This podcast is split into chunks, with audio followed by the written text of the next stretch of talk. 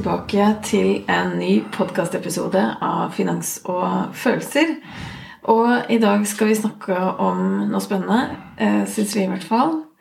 Eh, nemlig arv og renter. Og vi skal ta tak i et par lytterspørsmål og samtaler som vi har hatt. Ja, det å arve, det er jo alltid en glede. Det er ikke alltid så lett. Nei, det er jo mange vurderinger og forventninger som man skal ta hensyn til. Men før vi går løs på det temaet, Nico, så må jeg bare si at her i podkasten for ikke så veldig lenge siden, og i sosiale medier, så var du litt sånn eplekjekk og høyt ute og på en måte friskmeldte, eller hva jeg skal si, økonomien. Altså at uh, nå er vi ferdig med rentehevinger og ta det med ro, folkens. Og så siste uh, nytt, uh, så vidt jeg har fått med meg, er at jeg varsla flere rentehevinger. Hva tenker du om det? Det siste nytt fra mitt ståsted er at boligprisene har eh, steget markert etter at jeg sa det. Så det er det viktigste. Og det andre som egentlig er liksom i diskusjonen av det vi snakker om, er jo at folk begynner å skjønne hva, vi, hva som er normalrenten. Så den her eh, at man begynner å grine slutter ikke, fordi at man skal ha en renteøkning, det er vi nå ferdig med. Det er litt som at øh, bompengeringen øh, ødela ikke den norske nasjonale økonomien. Så vi, vi er nok, øh, om vi liksom er på rentetoppen nå, eller om det skal være én økning til Det er jo liksom fagdiskusjoner. Jeg har jo noen sånne helter som jeg føler som peker veldig på at nå er det nok. Så ser jeg også at de som så spesielt i Dagens Næringsliv i helgen så var det en sånn spesiell makroøkonom som jeg føler som peker på at Norges Bank kanskje ikke tar nok over seg liksom, folks frykt, da. Og så er det jo det her eh, forskjellssamfunnet. Det, nå er det en stor andel av oss som lever under fattigdomsgrensen. Og det må man jo også ta hensyn til. Men nå føler jeg at du, du eh, liksom eh, Hva skal jeg si Først så, så harselerer du, på en måte, og så snakker du om fattigdom. Jeg, jeg skjønner ikke helt det der. Nå skjønte jeg ikke helt poenget ditt heller. Nei, for det harselerer at man liksom sutrer som bompenger, på en måte, og så henter du deg litt inn sånn jeg hører det, og snakker om at eh, folk faktisk har dårlig råd. Nei, det var kanskje en et dårlig sammenligning, men poenget mitt var jo at eh, i begynnelsen, når renten startet å øke, så var det store ramaskrik at folk var fortvilet. Og det er helt greit. Men på en måte som vi har snakket om mange ganger i denne her podkasten, er jo at det, det finnes jo alltid liksom ledig kapasitet i privatøkonomien. Og når sjokket har lagt seg, hvis det er et rentesjokk, når det liksom har lagt seg, så ser man at uh, man kommer jo gjennom hverdagen sin likevel. Og om det er 4% eller 4,5% i rente, det tåler man. Det tåler mann. Eller kvinne.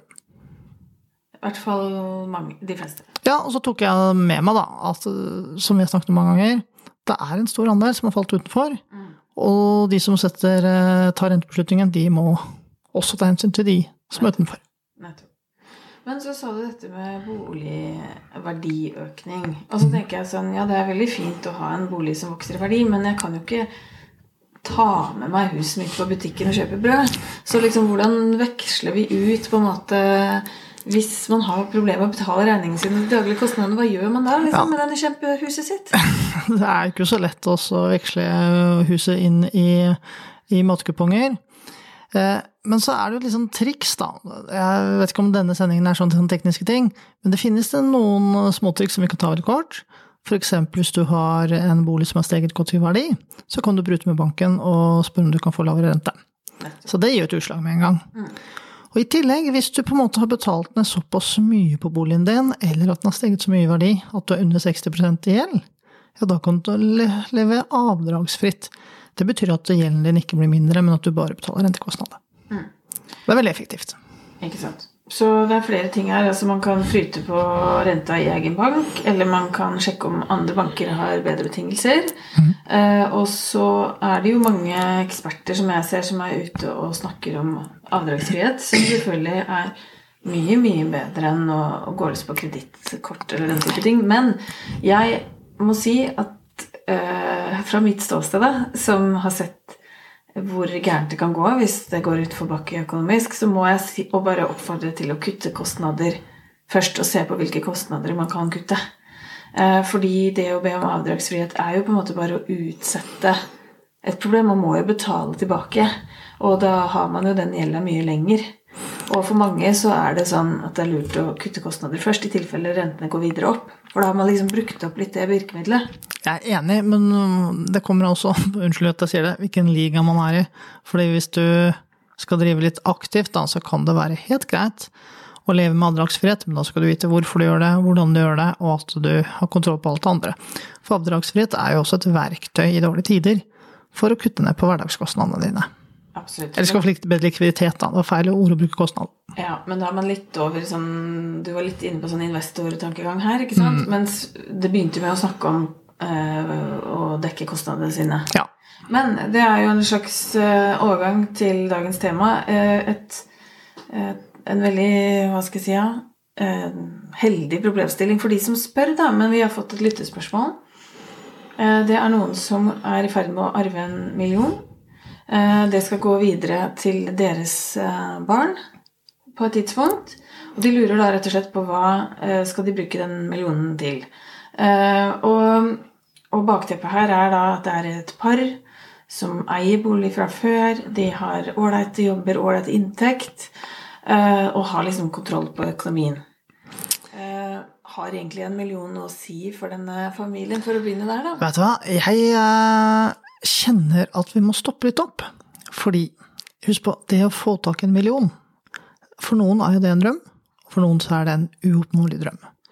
Så vi må liksom anerkjenne at det er et stort tall, selv om man ofte i avisen leser om millionavtaler og ti millioners villaer og alle de greiene der, og høye lønninger og sånt.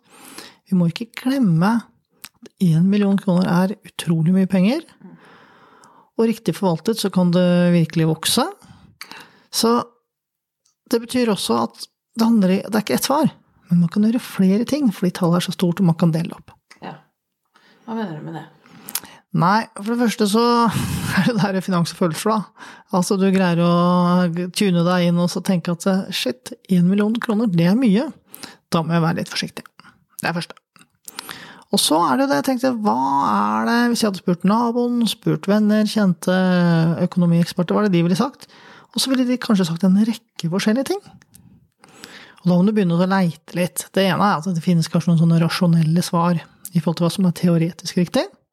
Og så er det noen andre svar som er eh, riktig i forhold til deg. Men jeg tror jo også mange ville bare satt en million i banken. ikke sant? Det er så urolige tider, og man er redd for å, å, på en måte miste de da, ikke sant? Hvis du gjør noe feil investeringer eller noe sånt. Jeg tenker at uh, hvis det er perspektivet ditt, så er det aldri feil. Eh, det er mye bedre enn at du kjøper deg en ny bil. Ja, ikke sant? Eh, så det er helt fair, det. Eh, og det er jo opp til den enkelte. Og så kan man selvfølgelig argumentere imot fordi at du ikke får noe høy avkastning og sånt. Men det første er jo at man Jeg må bare stoppe litt.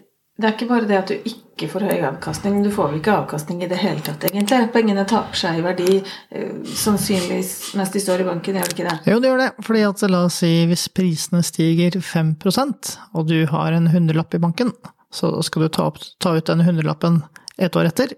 Da kan du bare kjøpe varer for 95 kroner. Ja. Men når det er sagt, eh, hvis man er skikkelig nervøs, da, mm. så tenker jeg at det å ha penger på en sparekonto er aldri gærent. Nei, det er veldig deilig. Eh, det er kjempefint. Og som du sier, hvis alternativet er å liksom kjøpe en bil eller noe som taper seg i verdi, så er det ingen tvil. Men hvis vi går forbi nå sparekonto, da. Mm. Hva er teoretisk riktig å gjøre med de pengene, ifølge han som har gått på Handelshøyskolen. Selveste Handelshøyskolen. NHH, Norges handelshøyskole. Den økonomiske. Ja. ja. Du, øh, vi skal begynne med det tøffe eh, svaret, og det er at du skal jage maksavkastning. Ja, men da må du si hva det er, da. Til rett risiko. Jo Dette her, husk på at det, det finnes jo en hel verdensindustri, finansindustri, som mener noe om dette her og har lyst til å lure deg og ta tak i pengene dine ved at de forteller at sitt produkt er det rette for deg. Og der er vi ved det første. Du, ikke sant? De, alle, veldig mange som kaller seg rådgivere, de er selgere.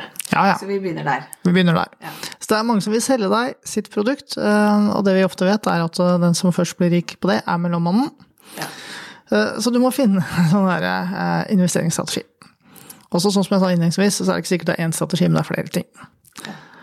Og så Det er jo litt sånn at når du spør eh, skomakeren åssen sko han skal ha på seg, så det ligger jo i kortene at jeg er interessert i eiendom. Ja. Kan jeg si det høyt? Det sier du høyt hele tida. Ja, nettopp. Jo, poenget er at eh, i eiendom så bruker man jo noe som heter giring, og det betyr at man tar opp gjeld for å kunne kjøpe mer eiendom. Så når du da kommer med én million, det er ikke sikkert du skal bruke hele, så kan du få et ganske bra lån. eh, Når man da sammenligner med den boligverdien du har ellers, og hva slags liv du lever, lønningene dine. Og da kan man liksom kanskje kjøpe seg en utleiebolig. Men var det ikke noe i det spørsmålet også at de var interessert i en bolig? Jeg husker jeg ikke, jeg kan ikke ta lese spørsmålet igjen. Åssen var det? Um, det, de, disse her, da, de bor i en middels eh, stor eh, norsk by. Men ønsker seg en leilighet i Oslo. Ja, sånn jeg hadde bare lyst til å ta liksom, resonnementet frem dit. Men ja, da kan du fortsette med det premisset. Jo, ikke sant. Og når de da har sagt det så tydelig at de ønsker seg en bolig i Oslo, da vet jo vi som Vi er så uheldige at vi bor i Oslo, på godt og vondt, at det blir ikke noe billigere å kjøpe denne boligen i Oslo seinere.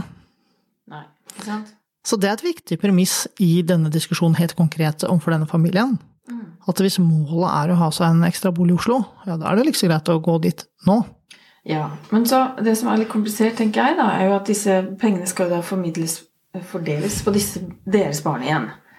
Og man har jo eh, gjerne ikke da penger til to leiligheter i Oslo, men bare én. Eh, Hvordan gjør vi det da, så det blir rettferdig? Ja, det finnes jo folk som har delt opp leiligheter med motorsag. Kanskje ikke leiligheter, men eh, i hvert fall en bot. Eller... et uthus. Poenget er at eh, La oss nå anta at eh, vedkommende familie gjør et godt boligkjøp, slik at den har steget i verdi. Så vil jo det alltid være til det beste for alle arvingene, fordi eh, jo større bolig, jo mer verdier er det, og lettere er det å dele noe som har vokst i verdi. Så det ligger litt i kortene. Ja. Og kan selge den da, når den tid kommer, f.eks. selge den, og da kan jo kanskje noen av barna kjøpe den, eller de selger den til en, noen eksterne til markedspris, og så er det penger til fordeling, og kanskje kan det bli nok egenkapital at hver av barna kan ta seg et nytt lån og kjøpe sin leilighet. Ja. Og da hørte du egentlig hvordan en million starter til å bli en hel leilighet, og hvordan en leilighet selges og blir til flere. Og det er jo sånn man bygger portefølje. ja. Men la oss si disse folka her har jo et eget uh, boliglån fra før. Eh, hvordan uh, liksom tar de med seg denne millionen til banken og, og, og diskuterer et større lån? Ja, det de gjør er at de bør ikke kle seg pent, men de må få litt oversikt over tallene sine. Hva slags liv er det de lever? Mye sparer de, mye sløser de? Hva har de i lønn? Hva har de i bonuser? Og så går de til banken, så forteller de det slik det er, på en fin, hyggelig, kanskje litt flørtende møte, måte som gir tillit. Så, og målet da er jo å overbevise banken, og gitt at dette stemmer, da, for all del, er om at man klarer å betjene lånet. Det er jo det som banken er opptatt av, ikke sant? Banken gjør en stresstest, så først at du selvfølgelig greier å betjene lånet på dagens renter, og så legger de på 3% om du greier å tåle en renteøkning på 3 Så ser de på alle inntekter og utgifter i det nye regnestykket som har med seg f.eks. en utleiebolig. Ja, og da er det 3% ekstra i forhold til det vi har i dag. Ja. Ikke sant? Ja. Så nå har vi liksom begynt å lage en liten investeringsstrategi da, ja. for denne familien. Men ville du putta hele millionen inn der? Nei, jeg ville ikke det, fordi øh, det er liksom jeg jeg har blitt litt mm, mer opptatt av det etter hvert som jeg har blitt eldre, men det er liksom godt å ha sparepenger. Ja. Det er liksom så å sette seg i sofaen. Det er godt å sitte i sofaen. Liksom det, er, det er godt og trygt. Og det å ha litt penger på bok, det gir en litt sånn annen ro. ja. Og det tror jeg kanskje er en verdi som mange av nordmenn har fått opp øynene for de siste årene. At eh, selv her i Norge så er det godt å ha litt buffer. Eh, ting skjer som påvirker oss, som vi ikke hadde trodd skulle komme. Og nå står vi midt i det, mange av oss. Mm. Og så hadde jeg i tillegg, det her er jæsla treigt, men jeg hadde satt opp en sånn liten spareavtale. Sånn at eh, ja, både familien og kanskje de barna som på en måte etter hvert skal arve denne boligen, begynner å liksom følge litt med på næringsliv. Og lese litt om fond, lese litt om finans, eh, hva som foregår der ute, hvilke selskaper som går bra. Ja, Kom her da, gutten min. Skal vi lese litt Finansavisen sammen? Nei, men det er jo noe med eh, det, det, her er, det her er helt sant. Det kommer fra hjertet. Jeg har en sånn hemmelig kursportal hvor mine medlemmer får lov til å være. Og da sitter det en egentlig veldig kjent og god bankmann. Og han forteller liksom fra hjertet sitt at mye av den kunnskapen han har, og de kundene han har, og de beste kundene, så sier han at det, det har de lært over frokostbordet. Ja. Så da sitter det da barn av, hva skal jeg si, aktive forretningsmenn og kvinner, og snakker om business. I hverdagen sin. Og det gjør jo at disse barna vokser opp og på en måte, hva skal jeg si, blir økonomisk vinner, eller får seg en kompetanse som andre ikke har. Og da Så det, liksom den spareavtalen, det er en måte da, å prøve å få barna interessert i næringsliv. Næringsliv er motoren i, i mye av det som skjer i, i verden. Og kanskje kan man eh, La oss Tesla-aksjer, da. Elon Musk er kjendis, og han er kul og spennende, og er kanskje sånn, en av blant verdens rikeste menn som, som barn kanskje kan følge med på. Og så kan man begynne å leite etter hva slags selskaper er det han har, hvordan man kjøper aksjer der. Og da har du liksom ting i gang. Åssen går det med Musk for tida? Nei, det, nå, nå faller verdiene, da. Eh, Jeg har en kompis som har masse Tesla-aksjer, han solgte det idet Musk kjøpte Twitter. Så han angrer ikke på det, men nå er det på vei opp igjen. Ja, ikke sant. Ja, Men eh, å lære barn om eh, økonomi og finans er ikke dumt. Men eh, ut fra mitt ståsted, da, så tenker jeg jo at eh, det er lurt å begynne fra bånn. Nemlig å snakke litt om hverdagsøkonomi. At det er viktigere enn å snakke om finans eh, sånn fra tidlig av. Eller noen av de store teoriene er greit nok, da. Men, men det er mange som kan ting om finans, men likevel roter til økonomien sin fordi de ikke klarer å styre hverdagsøkonomien sin. ja det synes jeg er et veldig godt poeng. Og det er også litt sånn derfor at øh, hva skal jeg si, hvis du hadde fått en million, da, at det første du får beskjed om, er å ikke gjøre noe som helst. Ja. Så du ikke gjør noe overilt. Ja, altså man ser jo altså for eksempel eh, folk som vinner mye penger, Lotto og sånn. Det er mange av de, de pengene blir borte altså, på kort tid. Ja, altså- Overraskende kort tid, mange av de. Ja, så er den vitsen og hvordan er raskeste måten å skaffe seg en stor formue? Eller få seg en liten formue? Det er jo så å starte med en stor. Ja, ikke sant. Ja. Men eh, jeg opplever i hvert fall at svaret ditt handler faktisk litt om å spre risiko å spre investeringen litt. da. Det ligger jo litt i kortet at hvis du skal kjøpe en bolig i Oslo, så må mesteparten av den millionen inn i det prosjektet. Oh yes. Og så skal du ha litt på sparekonto og sørge for at du har de bufferne du trenger.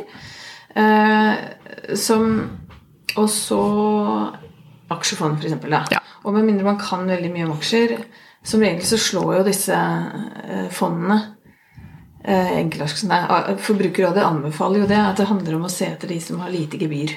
F.eks. globalt indeksfond. Kjedelig strategi, da, men det er jo sant. Ja, men da slipper du å følge med, liksom. Og hvis du har lang horisont, så, så viser jo historien, i hvert fall, hvis den fortsetter sånn, at det vil gå oppover hvis du tåler litt svingninger. Det er det. Ja. Så da kan man putte litt penger inn der også, da. Ja. Eh, Jeg håper dette var et nyttig svar, og for deg som hører på, hvis du har noen tilleggskommentarer eller spørsmål til det, så fyr gjerne løs. Og så har jeg en til, hvis du, ikke har, hvis du følte deg ferdig med dette spørsmålet. Gjør du det? Ja, eh, jeg har bare lyst til å komme med den der hjertesukk. Ok. Fordi eh, det er jo lett å si at hvis du arver en million, nå så skal du gjøre sånn som vi sier, nemlig mest på eiendom og litt i sparing og litt i fond. Men det gjør du jo ikke, vet du. Ikke folk her tror jeg gjør det, men hvorfor gjør du det ikke? Nei, fordi det er så lett å prate om det, men det er vanskelig å gjennomføre det. Så de trenger et spark bak. Ja, veldig mange gjør jo det. Og så vil jeg jo Altså, dette er en kommende arv, sånn jeg forsto det. Sånn at jeg ville jo tenkt og lagt strategien før de pengene kommer. Rett og slett. Ja, det er liksom arvingens åk, nemlig at øh, pengene han arver skal bli større når han dør. Ja. Og En del føler jo på det. Ja, jeg skjønner jo det. Ja. Men uh, uh, hvis du kan svare på dette kort, Nico fordi at uh, du har jo vært ute og provosert en del folk med at eh, du ikke burde investere i aksjer. At du heller burde investere i bolig. Har du sett meg på Facebook nå? Kan ikke du ta kortversjonen av hvorfor du mener det? Fordi at, sant, du kan jo, Vi har akkurat advart mot rådgivere som er selgere, og du selger jo selv eiendomskurset. Du kan jo lett bli mistenkt for å komme med dette rådet fordi at du selv tjener penger på å gi råd om eiendom. Så derfor så trenger vi en god begrunnelse her nå. Ikke tulte? Ikke tulte. Du, jeg skal forklare veldig, veldig tydelig og enkelt. Men det her er viktig for meg, så jeg er egentlig glad for spørsmålet. Så jeg er glad også at du gir pekefinger og, og, og, og, og har sånn alvorlig tone. Gammel journalist, vet du. Kan ikke ta alt for god fisk. Nei, Nei. til og med på mot mannen sin. Ja. Men- Men, sånn Fredrik Solvang-stil. Man må grille selv sin nærmeste. Ja, altså, men han tok ikke det store spørsmålet, men det kan lese om i Finansavisen på lørdag. Eh, vi skal gå videre. Det som er spesielt med eiendom, er sånn som jeg var innom i stad, nemlig at du kan låne penger for å kjøpe mer. Ikke sant? Og så skjønner man jo egentlig hva det dreier seg om, nemlig at det er tak over hodet, og at du skal ha en leietaker som skal være med å betale ja, gilde. Store deler av kostnaden. Og det er egentlig, i forhold til vanlige personer, så er det nesten bare eiendom hvor du får lov til å ta opp lån og investere. Slik at da får du mer hva skal jeg si, investering for pengene dine.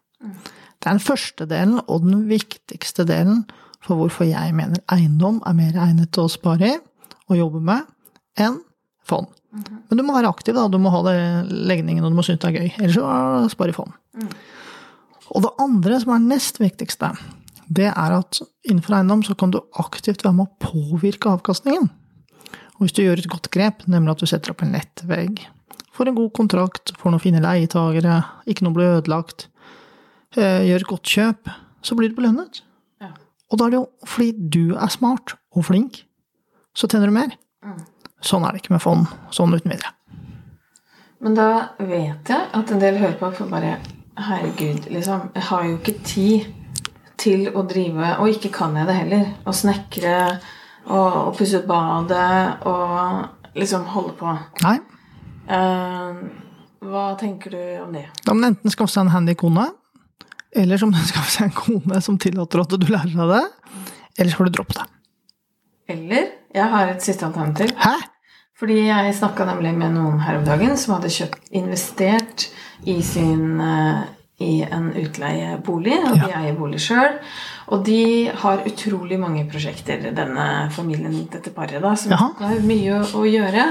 Eh, og når man da har midler til å investere i bolig, så tenker jeg at det er lurt å sørge for at man også har midler til å, skaffe seg litt hjelp. Og jeg tenker at idet du går fra å bare i gåseøynene ha din egen bolig til en investert bolig, så beveger du deg også litt fra liksom, privat til litt sånn business-ish. Eh, og da tenker jeg at man også må kunne tenke litt sånn businessaktig rundt det, nemlig at f.eks. man kan da leie inn malere for å pusse opp, istedenfor å stå der og male sjøl, krangle med partneren, bruke jævlig lang tid, og i tillegg da kanskje få den utleieboligen seinere ut på markedet for å bruke lang tid. At man liksom må ta på seg litt en annen mentalitet, sjøl om man er sånn praktisk par som fikser og ordner og styrer sjøl. Så mitt råd til henne er rett og slett kjøp dere hjelp. Dere er jo så travle. Ja. Dere har jo råd til det. Hvorfor må man liksom alltid slite seg ut og makse Jeg tenker at det ikke alltid er verdt det, da, å makse den eh, inntjeningen, på en måte. Syns jeg er et veldig godt poeng, fordi at eh, det er jo egentlig, egentlig to ting. Det ene er jo eh, regnestykket. på en måte, ja, Du bare legger til ekstra arbeidskost i forhold til det du skal betale. Og da vil du egentlig ganske ofte si at det, det går helt greit. Det, det har man råd til, og det er viktig. Og så er det jo det her eh, bevare vennskap og ekteskap og, og helse, alle de tingene der, som også har en høy verdi. Ekstremt høy verdi, og du skal jo stå lenge. Altså, Du må jo ikke finne på å investere i en bolig hvis du ikke har planer om å stå der lenge. Og da tenker jeg, hva er den første tusenlappene for å få dette i gang på en god måte da? Eh, Det er kanskje ikke så mye. Jeg er. Og jeg tenker at man egentlig bør kjøpe det hvis man ikke har råd til det. eh, Til å, å kunne ha litt grann hjelp. Kjempefint. Ja. Men eh, jo, er det ikke også sånn, Nico, at eh, hvis man har utgifter da, på den utleieboligen, f.eks. til oppussing, at man kan trekke fra det på skatten? Jo, og opp til det som heter ikke nivåheving, men opp til samme standard, så er det det. Og det her står veldig godt beskrevet i noe som heter Skatte-ABC. Ja. Det er bare å skrive Skatte-ABC i Google, så kommer du inn i en sånn svær håndbok. Og der er det til og med eh, praktiske eksempler med tall hvor det står beskrevet. Så det er egentlig veldig greit. Og så skal du fylle ut selvangivelsen din, og så fyller du inn summene som skal være dokumenterbare. Så får du trukket fra det som du har lov til. Så med andre ord, ta vare på kvitteringer, dokumenter det arbeidet som blir gjort, og sørg for at det blir gjort lovlig. Ja, ja. Fordi du har et ansvar som utleier. At det er skikkelig eh, ja, eh, bra det du leverer. på en måte, og trygt for Ja, ja, ja, det må være lovlig for vareopphold, så det goes without saying. Ja, og kos deg med Skatte-ABC. Ja, ja, det er masse god læring der. Bra. Bra. Bra. Eh, Det er eh, kjempefint når vi får inn spørsmål og tilbakemeldinger og dilemmaer og historier fra dere. Så fortsett å sende inn. Det setter vi veldig stor pris på. Har du noe sluttreplikk der, Nico? Jeg har jo en sluttreplikk at uh, man må ha stålkontroll på privatøkonomien. Eh, og hva det er, det vil vi gjerne høre eh, din historie på. Eh, Guro har sin, mens jeg har min, min egen. Og det har vi krangla om før, og det skal vi fortsette å krangle med om resten av livet, er redd. Om økonomien? Nei, om hva som er stålkontroll på økonomien. Stålkontroll, ja. Ja. Greit. Ja, nettopp. Ja. Og hvis du ikke har det, så vit at du ikke er alene om det, og at det kan vi øve på. Så hvis det er noe du har lyst til å øve på med oss, så ta gjerne kontakt og send inn din historie. Historie, dilemma, spørsmål, og også følelser rundt dette. Ja. Og så er det sånn at uh, inkassosakene øker, mange sliter, og mange ønsker å lære om økonomi uansett om de har kontroll eller ikke. Og måten å gjøre det på er annet å høre på denne podkasten. Så hvis du er med på å dele eller anbefale det til noen, så blir vi veldig glad, for da er det flere som kan være med og lære og bringe frem historier. Ja, send Guro en e-post på guroatfrid.app. Og Jeg er på nico at smarteiendom.no. Takk for i dag. Takk for i dag.